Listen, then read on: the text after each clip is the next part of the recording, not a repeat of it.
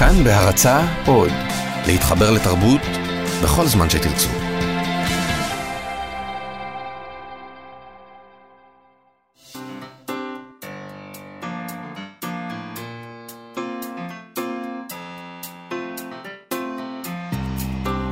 מה שכרוך, עם שירי לב-ארי וענת שרון בלייס.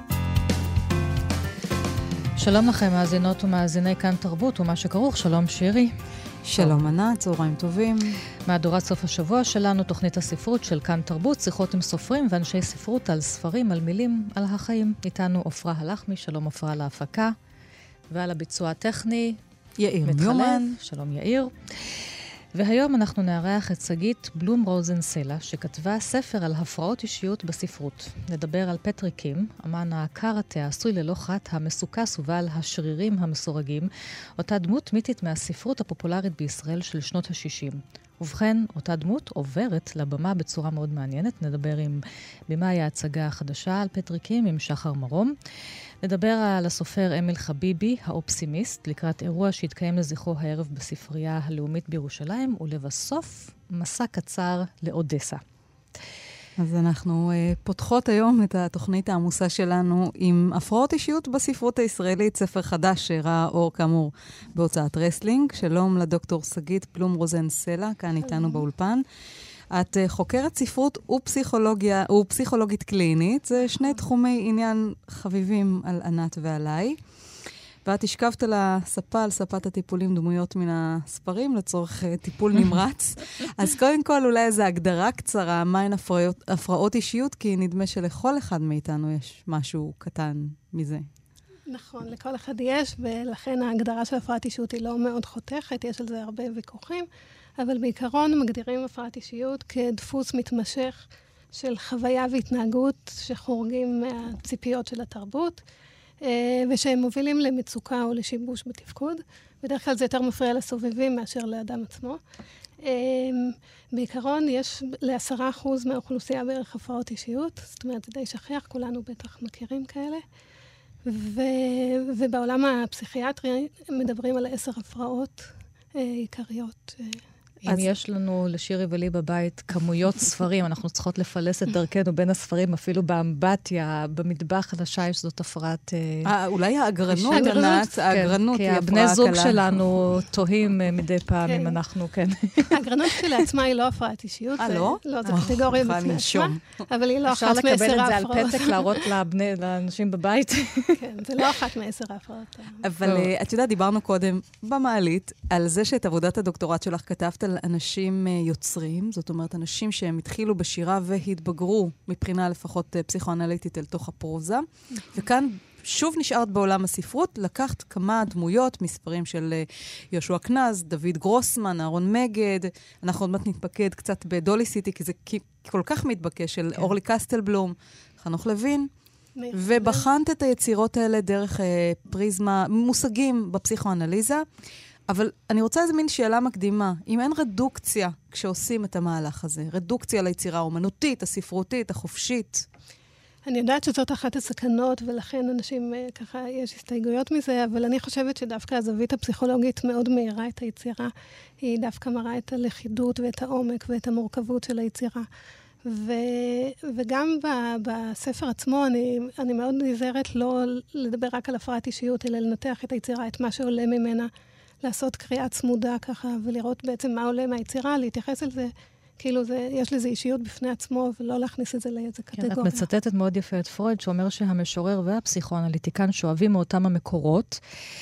אבל במקרה שלך, את לא התבוננת בגיבורי הספרים בשיפוטיות, לא ניסית לשנות אותם, אלא את נעזרת בהם דווקא כדי לומר בחזרה משהו על החברה שלנו. נעזרת בבדיון כדי לומר משהו על המציאות, שגם אנחנו לא צריכים להסתכל על אנשים אולי דומים לגיבורים בשיפוטיות, אלא לקבל אותם, להבין נכון. אותם, כי כאמור, לכל אחד מאיתנו יש איזושהי נכון, נכון. הפרעה קלה.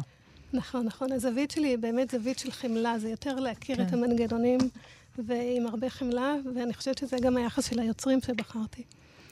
זה את באמת, אה, כן, נלך על דולי סיטי. אני חושבת שזה באמת אחד הרומנים עם הדמויות הכי מופרעות בספרות הישראלית. האימא הכי מופרעת, אבל שיש לה הצדקה גם ספרותית וגם מציאותית. זאת אומרת, אה, אורלי קסטמלום בכוונה עיצבה פה את אחת האימהות המופרעות ביותר בספרות, אם לא בתבל. כן, אז... כדי לומר משהו על איך מתייחסים לאימהות. ולנשים בכלל בחברה. ובחברה הישראלית במיוחד, כי כן. התינוק שהיא מאמצת, נקודת הפתיחה היא אישה שמוצאת, מאמצת תינוק שהיא מוצאת ברכב של גבר שאותו היא רצחה. אה, ולאורך כל השנים האלה שהיא מגדלת אותו, היא גם מדמיינת שהיא חולה, שסביבה חולים, שהוא חולה. Uh, בסופו של דבר הוא מתגייס. אז באמת ראו בספר הזה או יצירה פוסט-מודרניסטית, או יצירה ביקורתית על החברה הישראלית. אבל את באמת מסתכלת על הפרעת האישיות ורואה בה גיבורה שסובלת מהפרעת אישיות גבולית. נכון. באמת היו כל מיני זוויות אה, ניתוח ליצירה הזאת, ואני חושבת שהזווית של הפרעת האישיות היא פשוט מאירה כל כך הרבה פרטים, ממש כל פרט ופרט אפשר להבין אותו כחלק מהפרעת האישיות. אה, ובכלל, אני בעצם רואה את הספר הזה כפורטרט של, של דמות עם הפרעת אישיות, ומה שיפה זה גם לאורך כמה דורות, וגם רואים את ההתפתחות לאורך החיים. אז בעצם מבחינתי זה פשוט uh, case study מדהים. ספרי לנו קצת על הגיבורה הזאת של uh, קסטל בלום. דולי. Uh, לדולי באמת יש הרבה מאפיינים של הפרעת אישיות גבולית, מה שנקרא בורדרליין קוראים לזה גם. אמ, להפרעת אישות גבולית יש אה, כמה קריטריונים, היא עונה על כולם. אה, פחד מנטישה מאוד מאפיין אותה. טוב, סימנו וי, מה עוד? אמ, אה, לעצמך סימנת. אני כן, מדברת בשם עצמי. כן. ריקנות, תחושת ריקנות, בעיה בשליטה בכעס, בעיות בזהות. יחסים לא יציבים. מה שמאוד מאפיין את האישיות הגבולית זה חוסר יציבות. בכל מיני תחומים, גם בתחום של יחסים, גם בתחום של עבודה. שגית, אלה בדיוק כל מיני דברים הרי שהקנון הגברי האשים את הנשים, כולל הנשים הסופרות בהן. זאת אומרת, הן לא יודעות לשלוט בכל מיני דברים, לכן הן לא יכולות להיות יוצרות ראויות, הן לא מסוגלות בכלל לראות איזושהי אה, שפה פנורמית שבה אפשר לתאר את המציאות, הן רק כותבות על הכאן ועכשיו, על מה שקורה במטבח. מה רע בזה? וכן, ודולי כן. לוקחת את זה, זאת אומרת, אורלי קסמלום שמעצבת את הדמות, לוקחת את זה, משתמשת בכל מיני דברים שאמרו נגד נשים. ומביאה לנו את זה בהפוכה, מה שנקרא. כן. את מסתכלת על זה באמת מהזווית הפמיניסטית. ואת מהזווית הטיפולית, ואני מהזווית הפסיכולוגית. כן. אני פשוט רואה את זה כמאפיינים של האישיות, ככה באמת, כמו שאמרנו, בלי שיפוטיות. זה... אלה המאפיינים. יש בכלל מה לעשות עם גיבורה כזאת, שבסך הכל מבחינה ספרותית, שוב, היא מאוד כן. חיונית, ואפילו קצת דוברת אמת, כי כולנו יש לנו קצת את המחשבות האלה לפעמים. מה הכוונה אם יש מה לעשות איתה? אם אה, בתור מטפלת, מה היית עושה איתה? כן, כן, בהחלט, ודרך אגב זה מעניין, כי היא כן עוברת התפתחות בספר, היא גם אה, מאושפזת, ויש לה מטפלת שעוזרת לה, היא למשל מתעסקת עם בעיית הזהות שלה, והיא אומרת לה, את צריכה להחליט על זהות, ותפסיקי לשקר שאת רופאה, ו... אומרת, ו... ובאמת יש פה התפתחות של הגיבורה, שלאט לאט היא מפסיקה לראות דברים בצורה קיצונית, ועם יותר אינטגרציה, אז בהחלט כן. בכלל, אני חושבת שעם הפרעות אישיות אפשר לבשל, אפשר, אפשר לעשות עבודה. כן. הנה דברים שדולי אומרת. אחת מן החוויות שהחיים על פני הכוכב הזה מספקים, היא חוויית הסמרטוט. לפעמים רואים משהו מרחוק, מזווית מסוימת, עקומה, וזה נראה כמו נשר, או כמו פוחלץ, או כמו סקיצה של נשמת השטן. אבל כשמתקרבים רואים שזה בסך הכל סמרטוט, רצפה, או חתיכת צמיג, או איזה גוש קרטון מעוך. בדולי סיטי קורה המון שחושבים שמשהו הוא משהו, ובסוף מתברר שהוא לא. לאחת כמוני שהעובדה שקווים מקבילים נפגשים באינסוף יכולה להטריף את דעתה משום שאינה מתקבלת על דעתה, אחת שדי לה באפשרות שהבית בוער בשביל שתזמין נונסטופ את מכבי האש, אחת ששומעת בבת אחת את האזעקה וגם את אות ההרגעה, חוויית הסמרטוט שגרתית עד מאוד, והיא חווה אותה עשרות פעמים ביום. כן, אז uh, הקטע שקרה זה שוב בעצם מבחינתי מונה מאפיינים של הפרעת האישיות הגבולית, שזה uh, בעיקר הנטייה להיצמד לאיזה ראייה אחת, שהיא רואה איזה משהו והיא מחליטה שהוא משהו אחר. וזה מאוד אופייני לגבוליים, שהם נצמדים לאיזו תפיסה שלהם ומנפחים אותה גם. זה משהו שחוזר בספר בהמון המון סמלים. למשל, אה, היא קוראת לזה הסרטן, יש פה הרבה את מחלת הסרטן, ובעצם הסרטן זה בעצם גדילה של אפשרות מסוימת. והיא מביאה את זה בעצם כמטאפורה לבעיה הזאת של הגבולים. אז אנחנו אולי נעבור... ויש עוד דבר, רק כן. משהו קטן, גם אפילו השם דולי סיטי לדעתי קשור לזה, כי בקולנוע יש אה, תנועת מצלמה, כן, תנועת דולי, דולי שזה בעצם זום על איזה משהו. וזה שוב, זה גם העניין הזה שהם נורא מתמקדים בפרט כלשהו ומתעלמים מהתמונה הכללית. כן. אז ככה, זה נורא יפה לראות איך כל הסמלים, זה הכל ככה מתקשר למאפיינים של ההפרעה הזאת. אם נעבור רגע לעולם גברי יותר, את כותבת גם על המחזה חפץ אה, של חנוך לוין, ובכלל טוענת שברוב מחזותיו של אה, חנוך לוין יש איזו תנועה סביב הציר ההיסטרי. אה, את כותבת על חפץ עצמו. שהוא דמות שיש לו, איך את אומרת, את ההפרעות האלה מודחקות, הוא יותר, יש לו נטיות אובדניות, כן? דמות של נכון. היסטרי אובדני. לעומת פוגרה, אהובתו לשעבר, הרי הכל מתחיל בזה שהוא, שהיא מתחתנת עם מישהו אחר והוא מאיים להתאבד ביום חתונתה, היא, אה, יש לה את ההפרעת אישיות הזאת אה, לא אובדנית, להפך. נכון. בעצם אה, פוגרה וחפץ מייצגים שני צדדים של מטבע ההיסטריה, אפשר לקרוא לזה, ואני משתמשת פה במושגים של כריסטופר... שני צדדים של מטבע? כן. אה, מה זה? אני מסבירה. יש כן. עכשיו שניים, לא רק אחד, כן. שירי. אוי ואבוי. זאת שאלה טובה, כי בדרך כלל... לא, יש אחד שהוא אובדני ויש אחד. שהוא לא, השאלה מה זה הלא. בדיוק. אני פשוט משתמשת פה בהמשגה של כריסטופר בולס, שהוא פסיכולוג, פסיכואנליטיקאי מאוד חשוב, בספר שלו היסטריה, והוא מדבר על שני סוגים של היסטרים, ההיסטרי בעל דחף החיים וההיסטרי בעל דחף המוות, וזה מסתדר מאוד יפה, כי לא רק פוגר וחפץ, אלא עוד דמויות במחזה נכנסות לקטגוריות האלה.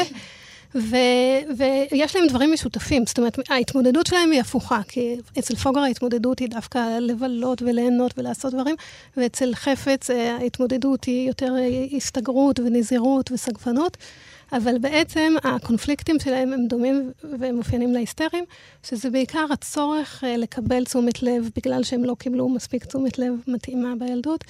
אה, לכן היא נורא פרובוקטיבית ו- ו- ודרמטית ומוחצנת, אה, ובתוך תוכה היא מרגישה מאוד מאוד חסרת ערך. כן. אה, והוא פשוט מייצג את הצד של חוסר הערך. כמו הרבה אנשים שעושים פרובוקציות. אז אולי נקרא רגע כן. קטע מתוך חפץ. הוא אומר, אני באה אלייך ביום החתונה שלך ומבלבל לך את הראש, ואת בטח שואלת את עצמך, מה אני עוד עושה כאן? זאת אומרת, בחיים. באתי להזמין אותך. הערב בשש אני קופץ מהגג. זה יהיה שעה אחרי החופה שלכם, ככה שיהיה לכם נוח להגיע. אתם תספיקו, נכון? הקפיצה לא תארך הרבה זמן, ואחרי זה תהיו פנויים לנשף החתונה שלכם. בלעדיי, כמובן. כי אני כבר לא אהיה אז. אה? כן, לא אהיה כבר. וזוהי מתנה, מתנתי לחתונה שלך. כובע לקיץ, יהיה לך ודאי קיץ מאושר. אז uh, זהו, אתם תבואו הערב, כן? אני מחכה לכם. אז זהו, מתחיל. כן, לא, לא יהיה יותר איש ושמו חפץ. מספיק לנו עם האיש הזה. די, שקט. אנחנו רוצים ממנו שקט, שקט. דווקא אני מאוד אוהבת את חפץ. כן. כן, מעניין. זה מדהים. והוא באמת כל כך יפה מגלם את הרעיונות של ההיסטריה. אז, ואת אומרת שבכלל המחזות של חנוך לוין אה, נכון, סובבים נכון, סביב הציר הזה של ההיסטריה. לגמרי, לגמרי. יש שם תמיד... הוא מעצים הפרעות אישיות בכל הדמויות שלו. הוא מעצים, אבל הוא באמת בייחוד מתעסק עם ההיסטריה, כי תמיד יש לו את הדמויות המוחצנות והפרובוקטיביות מצד אחד, והדמויות הצגפניות והנזיריות. ותמיד יש שם קונפליקט סביב אה, נישואים וסביב מינויות, שזה הכל דברים אופייניים להיסטריים.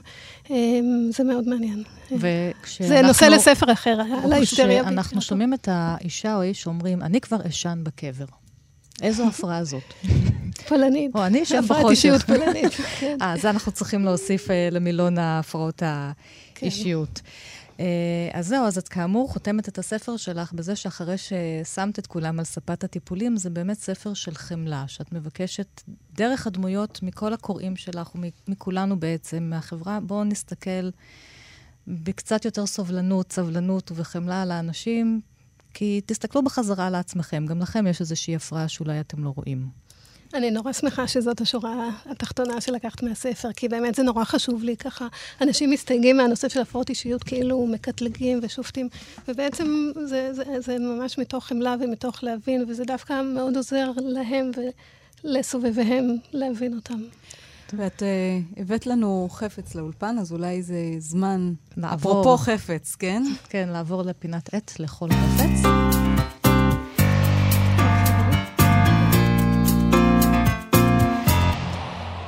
אוקיי. הבאת מכתב. הבאתי מכתב, כי בעצם הרעיון לספר הזה התחיל אצלי כש, כשקראתי ספר של אהרון מגד בשם זבובים לפני כמה שנים.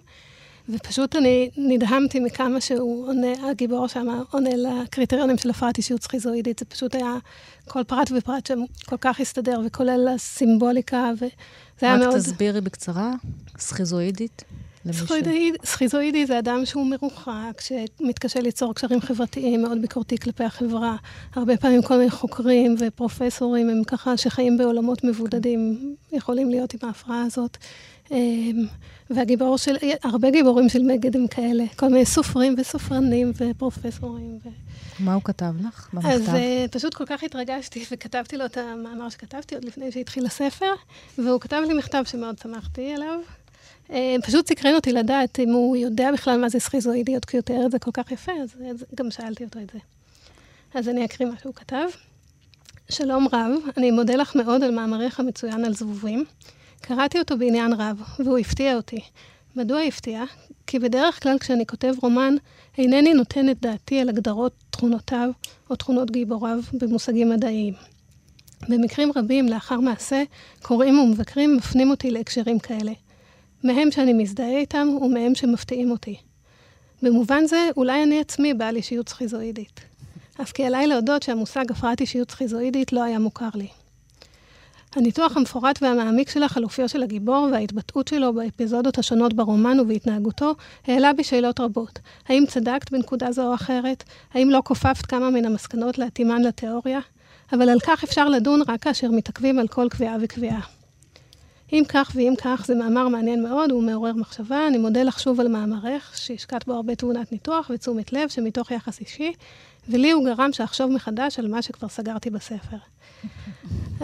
אז ככה הבאתי את זה, נגד. זה מכתב כן. ככה יקר לליבי, ובייחוד שהוא נפטר לפני שנה וחצי, אז ככה אני, אני מודה לו שוב בהזדמנות הזאת. כן, אז הוא. באמת גרמת לו לראות מחדש כן. את הדמויות שלו עצמו. בחרת לנו שיר, את תלכי בשדה, מילים של אה, לאה גולדברג. למה כן. בחרת דווקא בו? קודם כל, זה ביצוע מאוד מוצלח של שלומי סרנגה.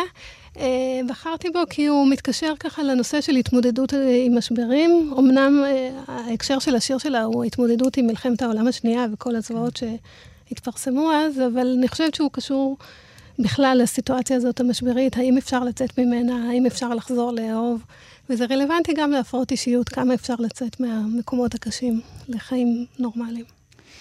תודה רבה. שגית בלום רוזן סלע, הספר הפרעות אישיות בספרות הישראלית ראה אור בהוצאת רסלינג, ואנחנו ניפגש אחר כך לסשן אישי. כן, המשך טיפול. תודה רבה לכן, תודה רבה.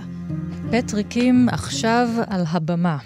Radio Play הוא מחזה חדש של תיאטרון החנות, המספר את סיפורו של איש הקרטה פטריק קים ועלילותיו הסוערות, מסדרת הספרים המצליחה בשנות ה-60. זהו מעין תסכית רדיו בעיבוד בימתי, עם חפצים, שחקנים, סאונד ומה שביניהם. בואו נשמע קטע ממנו. תשע אפס אפס, בוקר במשרדי ה-CIA.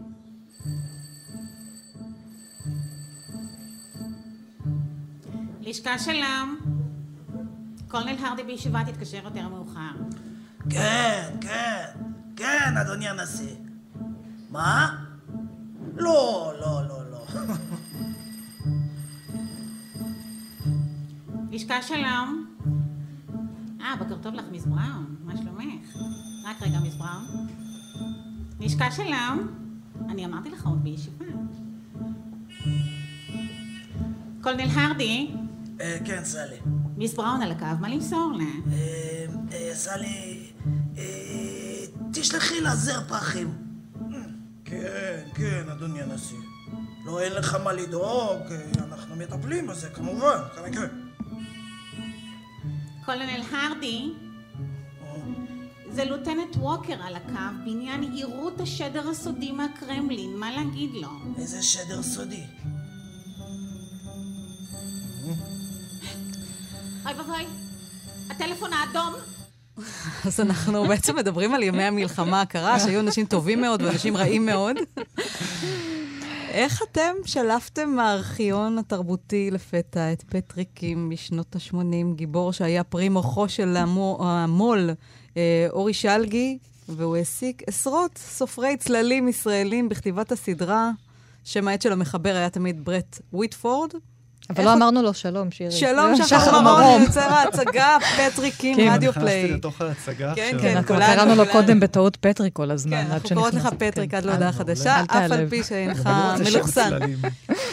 אז איך נזכרתם בו פתאום? אה, האמת היא שזו שאלה שאני לא יודע איך לענות עליה, כי אף אחד לא יודע מהאנשים שיצרו את ההצגה. היה לנו, היה לי חלום לעשות משהו שקשור לרדיו בחנות, שזה תיאטרון שהוא מנסה כל מיני דברים.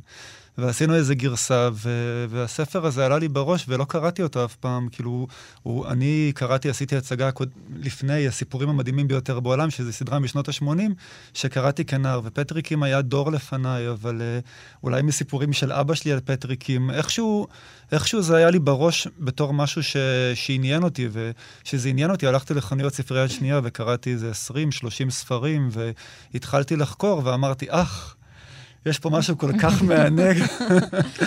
נורא בא לי לעשות עם זה, אני... איך אנחנו מתגעגעים למלחמה הקרה, לא? יש איזה נוסטלגיה, כן. אבל רגע, זה בדיוק מה שאני רוצה, ל- ל- למתוח גשר להיום, כי אתה יודע, זה גיבור, הוא סוכן מיוחד של ה-CAA, והוא אה, חצי, חצי אירי, חצי קוריאני, נכון? כן, נדמה לי. כן. והוא ככה גבוה ושרירי כאמור, והוא אה, יוצא להילחם ב... הוא גם אומן קראטה, כמובן. כמובן. והוא יוצא להילחם, תמיד יש איזה אויב כלשהו של אמריקה, והוא יוצא להילחם, ובדרך פוגש הרבה הרבה בחורות, מעניינות ומפתות, והוא תמיד גם מנצח.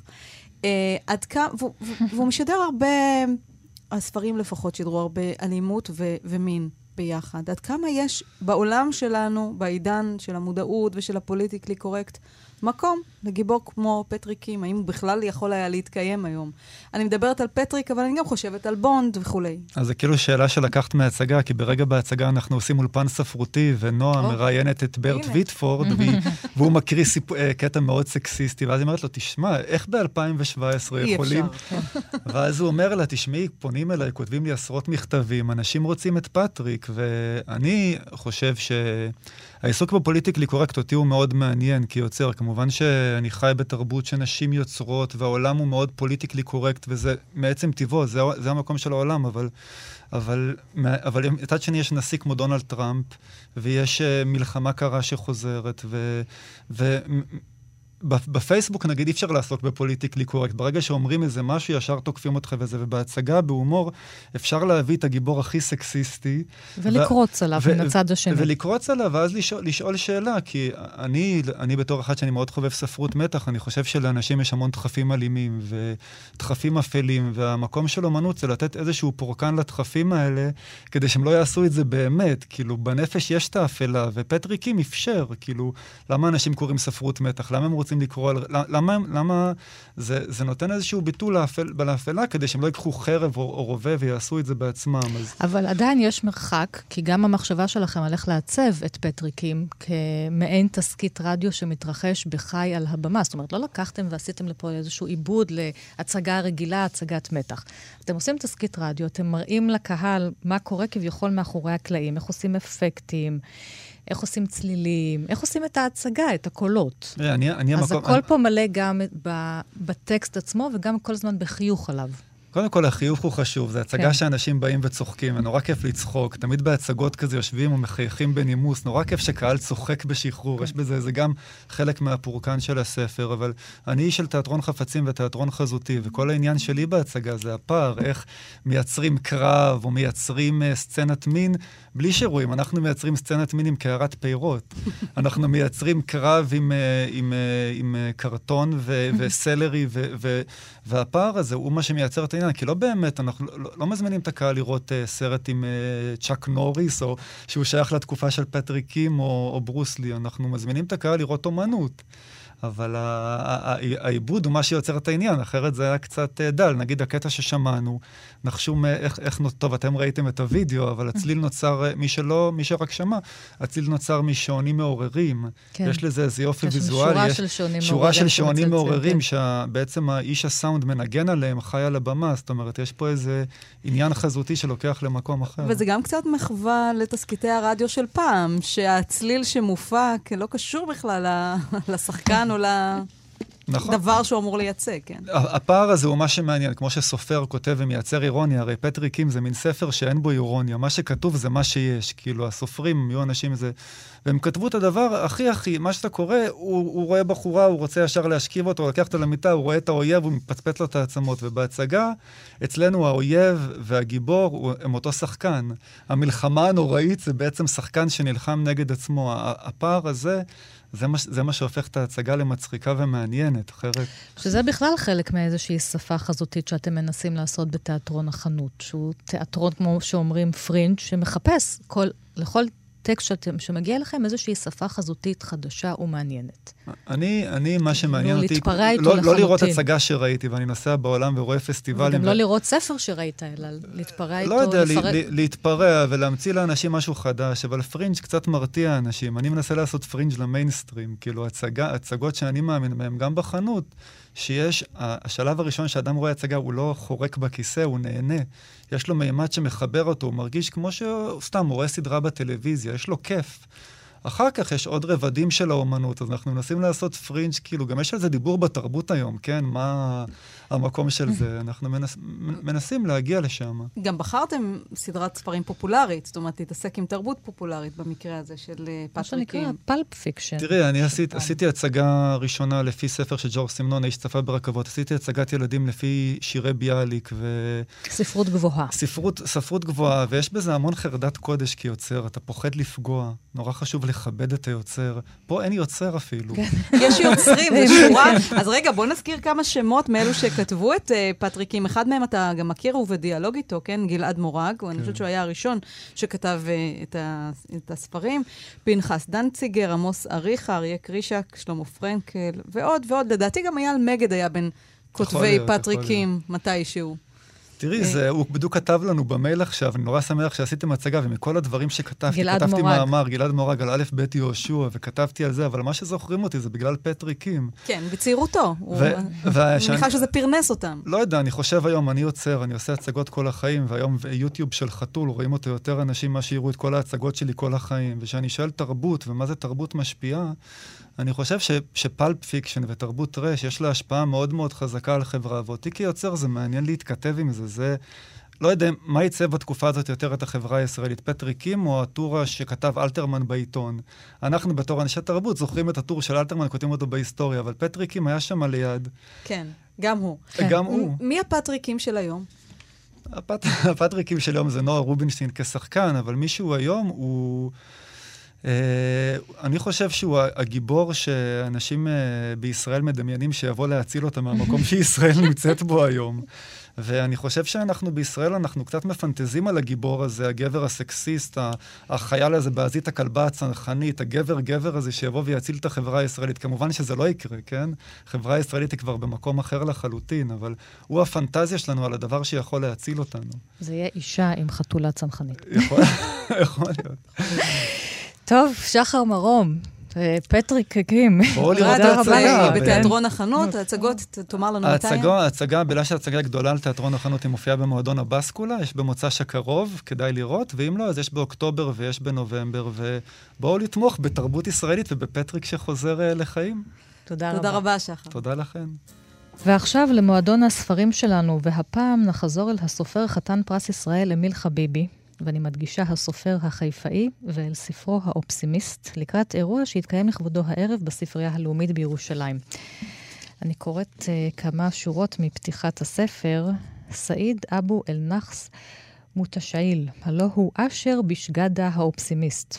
כתב אליי לאמור זה רומן מכתבים. ספר על אודותיי, ספר על אודות הנס המוזר ביותר שנפל בחלקו של בן אנוש, מאז מטה משה ותחיית ישו, ולעצם העניין, נעלמתי, אך לא הלכתי לעולמי. לא נהרגתי בגבול כשם שסברו מי מכם, ולא הצטרפתי לפדאיון כשם שחששו דורשי טובתי, ואין אני נרקב שכוח בצינו כשם שידידיך משערים. ואני מדלגת פה, הוא-הוא הפך להיות מחלק התה. אה, חביבי היה חבר כנסת אה, מטעם המפלגה הקומוניסטית, ולאחר פרישתו הוא כתב את ספרו הידוע ביותר, האופסימיסט, שראה אור ב-74. הספר עוסק בחייו של סעיד שנולד בפלסטינאי, שהפכה להיות מדינת ישראל, והוא מצא, מתאר את מצבו, את מצבם של הערבים תושבי הארץ, בשפה שנעה בין ריאליזם לפנטזיה וסוריאליזם, וכמובן הרבה סאטירה, סאטירה שחורה. שלום לחוקר הספרות, פרופ' מחמוד ע'נאים. שלום לך ולמאזינים. אז בוא נתעכב רגע על השם של הספר. האופטימיות והפסימיות, מה הכוח של השם יש, הזה? יש כאן אה, אה, ניגוד מאוד חריף אה, בכותרת של הספר, אה, סעיד לעומת אה, אבו נאחס, אה, אופטימי לעומת אה, פסימי. אה, יש כאן אה, דגש על אה, משבר הזהות שעובר אה, סעיד והחיים הדואליים שהוא אה, חי בישראל. אה, הוא חוזר לארץ אה, ב-48'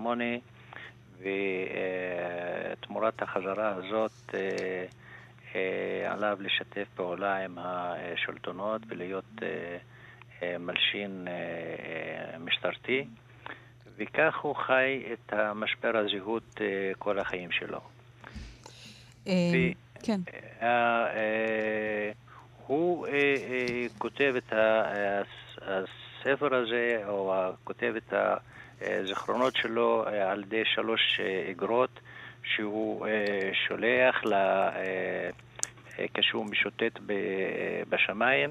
כביכול משוטט בשמיים. כן, בסוף כן. אנחנו יודעים שזה מקום קצת פחות נכון, שמח. והוא יושב בשמיים, הוא יושב על שיפוד.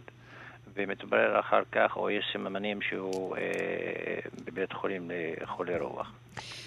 עכשיו, סעיד כותב הרבה על אנשים בחייו, על אמו, על אשתו, על בתו, שכולן עבדו לו, וחלקים בספר מבוססים על חייו של מיל חביבי, שהוא באמת נאלץ לחיות רחוק מאימא שלו. היא הייתה אה, בגלות בדמשק, והנושא הזה של גבולות גיאוגרפיים ונפשיים נמצא בכל הספרים שלו, ובעיקר המחיר שמשלמים בגללם. כן. לפני שהוא נפטר, הוא כתב, אמיל חביבי כתב מאמר, מסה, והוא אמר, סעיד זה אני. כן, זה כל כך ו- ברור. ו- כן, והוא אמר את הדברים האלה. אשתו של, של הגיבור, שנקראת בקי הנשארת, והבן שלו, שנקרא וואלה, ציות. שניהם לא מצייתים לו, והיא לא נשארת איתו, והיא עוזבת אותו, ומצטרפת לפדאיון, וכך בעצם המשבר הולך ומחריף. שזה משהו שנכון למשפחה של חביבי, כמו למשפחות רבות, שבעקבות 48' ואחר כך גם בעקבות 67' פשוט uh, התפרקו והתפצלו. יש מי שנשארו פה בגבולות המדינה, ויש מי שהפכו להיות פליטים. נכון, בארצות, אז, בארצות ערב או נכון, במדינות אחרות? ש... ואלה שנשארו כאן, הוא כאן מנסה להדגיש את העניין של הזרות שהם חיים בה, ובאמת, אם אנחנו רוצים לקרוא את אמיל חביבי לא רק באופסימיסט, אלא גם ביצירות האחרות, אז מדובר כאן על... קריאה מאוד מורכבת. יש הרבה דיאלוגים עם הספרות הערבית הקלאסית, עם אלף לילה ולילה, עם הרבה יצירות ש... אומרות הרבה לגבי הקורא הערבי, פחות אולי לקורא העברי והקורא ה... כי הוא מנסה, דוקטור עיניים, שוב ושוב להתעסק עם השימור הזה של הזיכרון. הוא אפילו כותב בשריה, אני חושבת אולי, בתושד, לשמור את הזיכרון בתיבה סגורה. כדי לא לפגוע בו. עכשיו, הוא אמר, אני נשארתי בחיפה. הוא שב והדגיש את זה, זה גם חרוט לו על המצבה. אני נשארתי בחיפה, כן. לא הפכתי פליט, לא, אני נשארתי בבית שלי, אם כי שוב, המשפחה שלו לא כולה. הוא... אבל, אבל עדיין, הבית השתנה. הבית הוא השתנה, נשאר בבית, אבל הבית הבית נעשה השתנה. לו זר. כן, כן, הוא, uh, הוא אומר את זה, ופונה גם לקורא בעולם הערבי.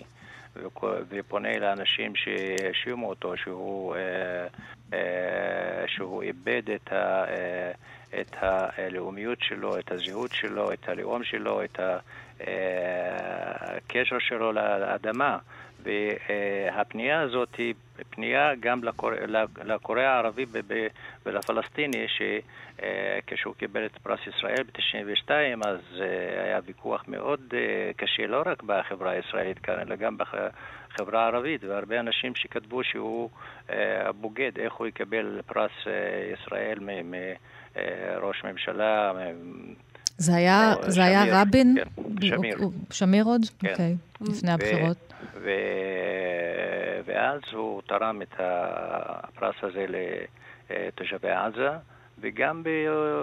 לפני שנה, או נדמה לי אחרי כמה חודשים, הוא קיבל את הפרס של פלסטין מיאסר ערפאת.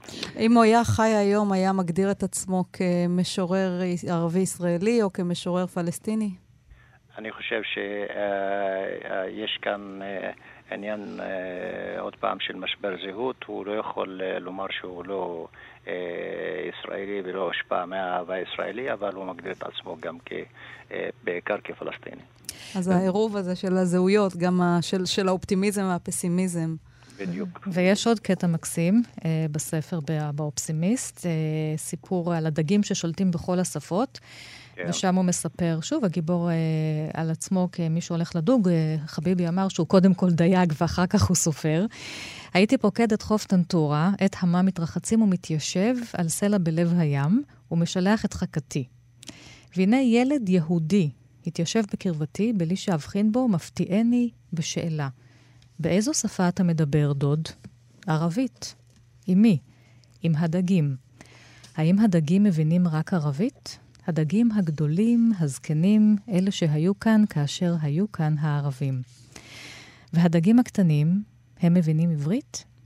עברית וערבית וכל השפות. הימים רחבים וקשורים זה בזה, אין ביניהם גבולות, ויש בהם מקום לכל הדגים ולכל השפות. אז הנה, דווקא המקום הזה, שאין בו גבול, כן. אולי שמה יש איזושהי נחמה, אומר חביבי. זאת התפיסה הסוציאליסטית שלו, כן. שהוא אה, לא ראה שהעניין של הסכסוך או הבעיה היא בעיה אה, אה, ערבית-יהודית, אלא היא בעיה מעמדית בעיקר, ולכן הוא, אה, אפילו אחרי שיצא מהמפלגה הציונית, המפלגה הקומוניסטית, הוא האמין כל הזמן שהבעיה היא בעיה של אה, חלש וחזק. אה, מושל ונמשל, אה, עני ועשיר וכולי. אז אה, לכן הוא מדבר כאן שהדגים מדברים בכל השפות, לא, לא עברית או ערבית. מתעלים, מתעלים מעל הזהות הלאומית שלנו. תודה רבה לך, דוקטור מחמוד גנאים. ערב לכבודו של הסופר אמיל חביבי, חתן פרס ישראל הערב בספרייה הלאומית בירושלים. תודה לכם. להתראות.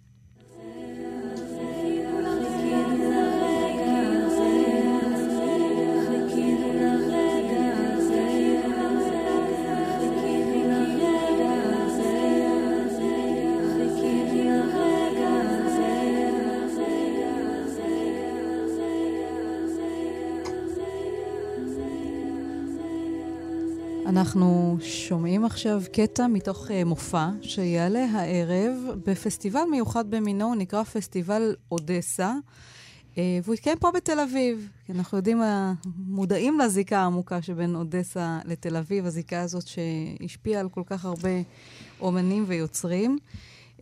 שעלו, הגיעו מאודסה לכאן. שעלו והבשילו גם באודסה. כן.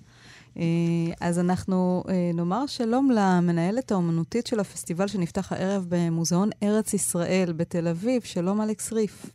שלום, צהריים טובים לכם. אז uh, התקיימו כל מיני סוגים של מופעים שקשורים לאודסה ולתרבותה. אחד מהם יציין 100 שנים למותו של מנדלה מוכר ספרים. נכון, בעצם פרופסור ברטל הולך היום לדבר על 100 שנה למותו של מנדלה מוכר ספרים. אה, הסופר הייחודי הזה שהחיה בעצם שתי שפות. אה, כתב תחילה ביידיש, או, או, או תחילה עברית ומיד ביידיש וגם בעברית, ובשתי השפות הוא עשה משהו בלתי ייאמן, הוא בעצם יצר נוסח של שפה שהיא, אה, אפשר לתאר בה תיאורים ריאליסטיים של חיי היהודים. זה משהו שלא היה קודם, השפות האלה היו שפות, אה, אה, היידיש לא הייתה שפת ספרות, היא הייתה יותר שפת מסחר, העברית הייתה שפת בתי מדרש, והוא לקח את שתיהן ועשה בהן ספרות. אבל אותך מעניין ל- לומר שהוא התעקש לכתוב ביידיש, כי הוא רצה שכולם יקראו אותו. כל נכון, האנשים הוא... הפשוטים, ולא רק האליטה המצומצמת שהיא ידעה עברית.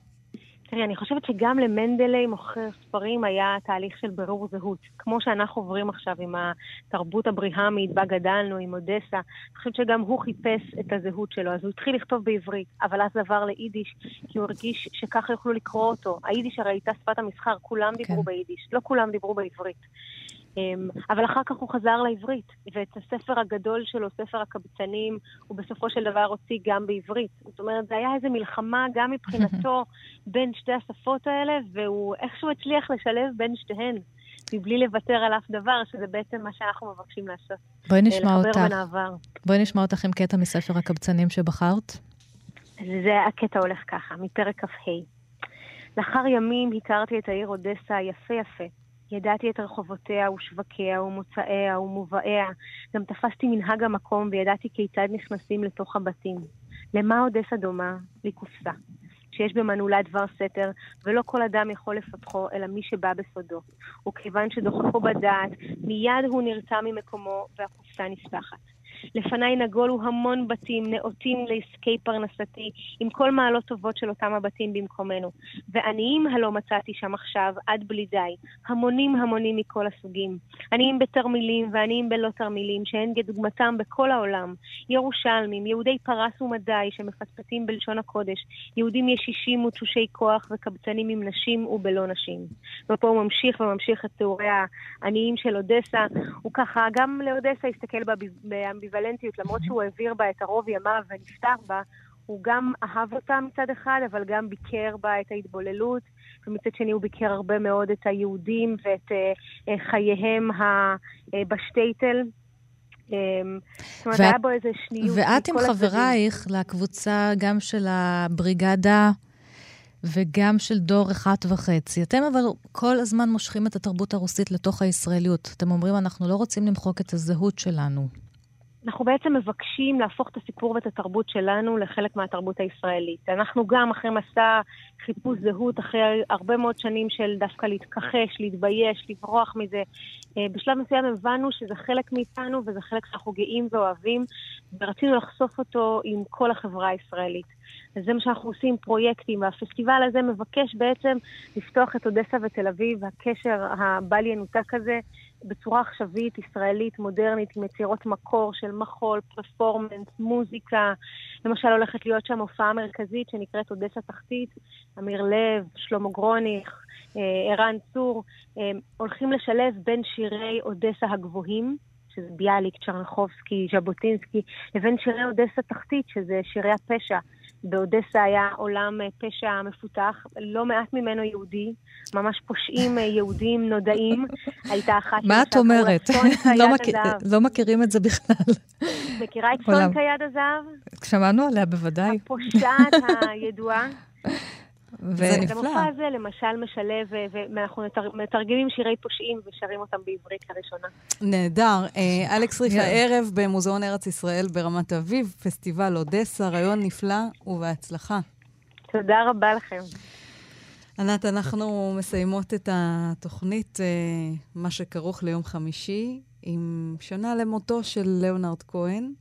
שהיה פה בספטמבר לפני שמונה שנים, וברך מעל הבמה את עשרות אלפי הישראלים בברכת הכוהנים. אז אנחנו נסיים עם ליאונרד כהן, ואנחנו נפנה אתכם המאזינים לשמוע אותנו גם אה, בפודקאסט של כאן תרבות, אה, ונודה לעפרה לחמי על ההפקה. וליאיר ניומן על הביצוע הטכני, וגם נברך את הטכנאי גיא פלוויאן שעוזב אותנו לטובת קודם כל טיסה לחו"ל ונסיעה בעולם, משהו כמו הרבה ימים. ולימודים, בהצלחה בלימודים, גיא. תלמד טוב טוב, ואז תבוא להתראיין אצלנו על איזשהו ספר. וגם נברך את המאזינים בשנה טובה, כי אנחנו סוגרות את השנה, התוכנית הזאת. נברך אתכם בשנה טובה. שירי לב-ארי, תודה רבה לך, שנה ענת טובה. שרון בלייס, שנה טובה לך ולמאזינים.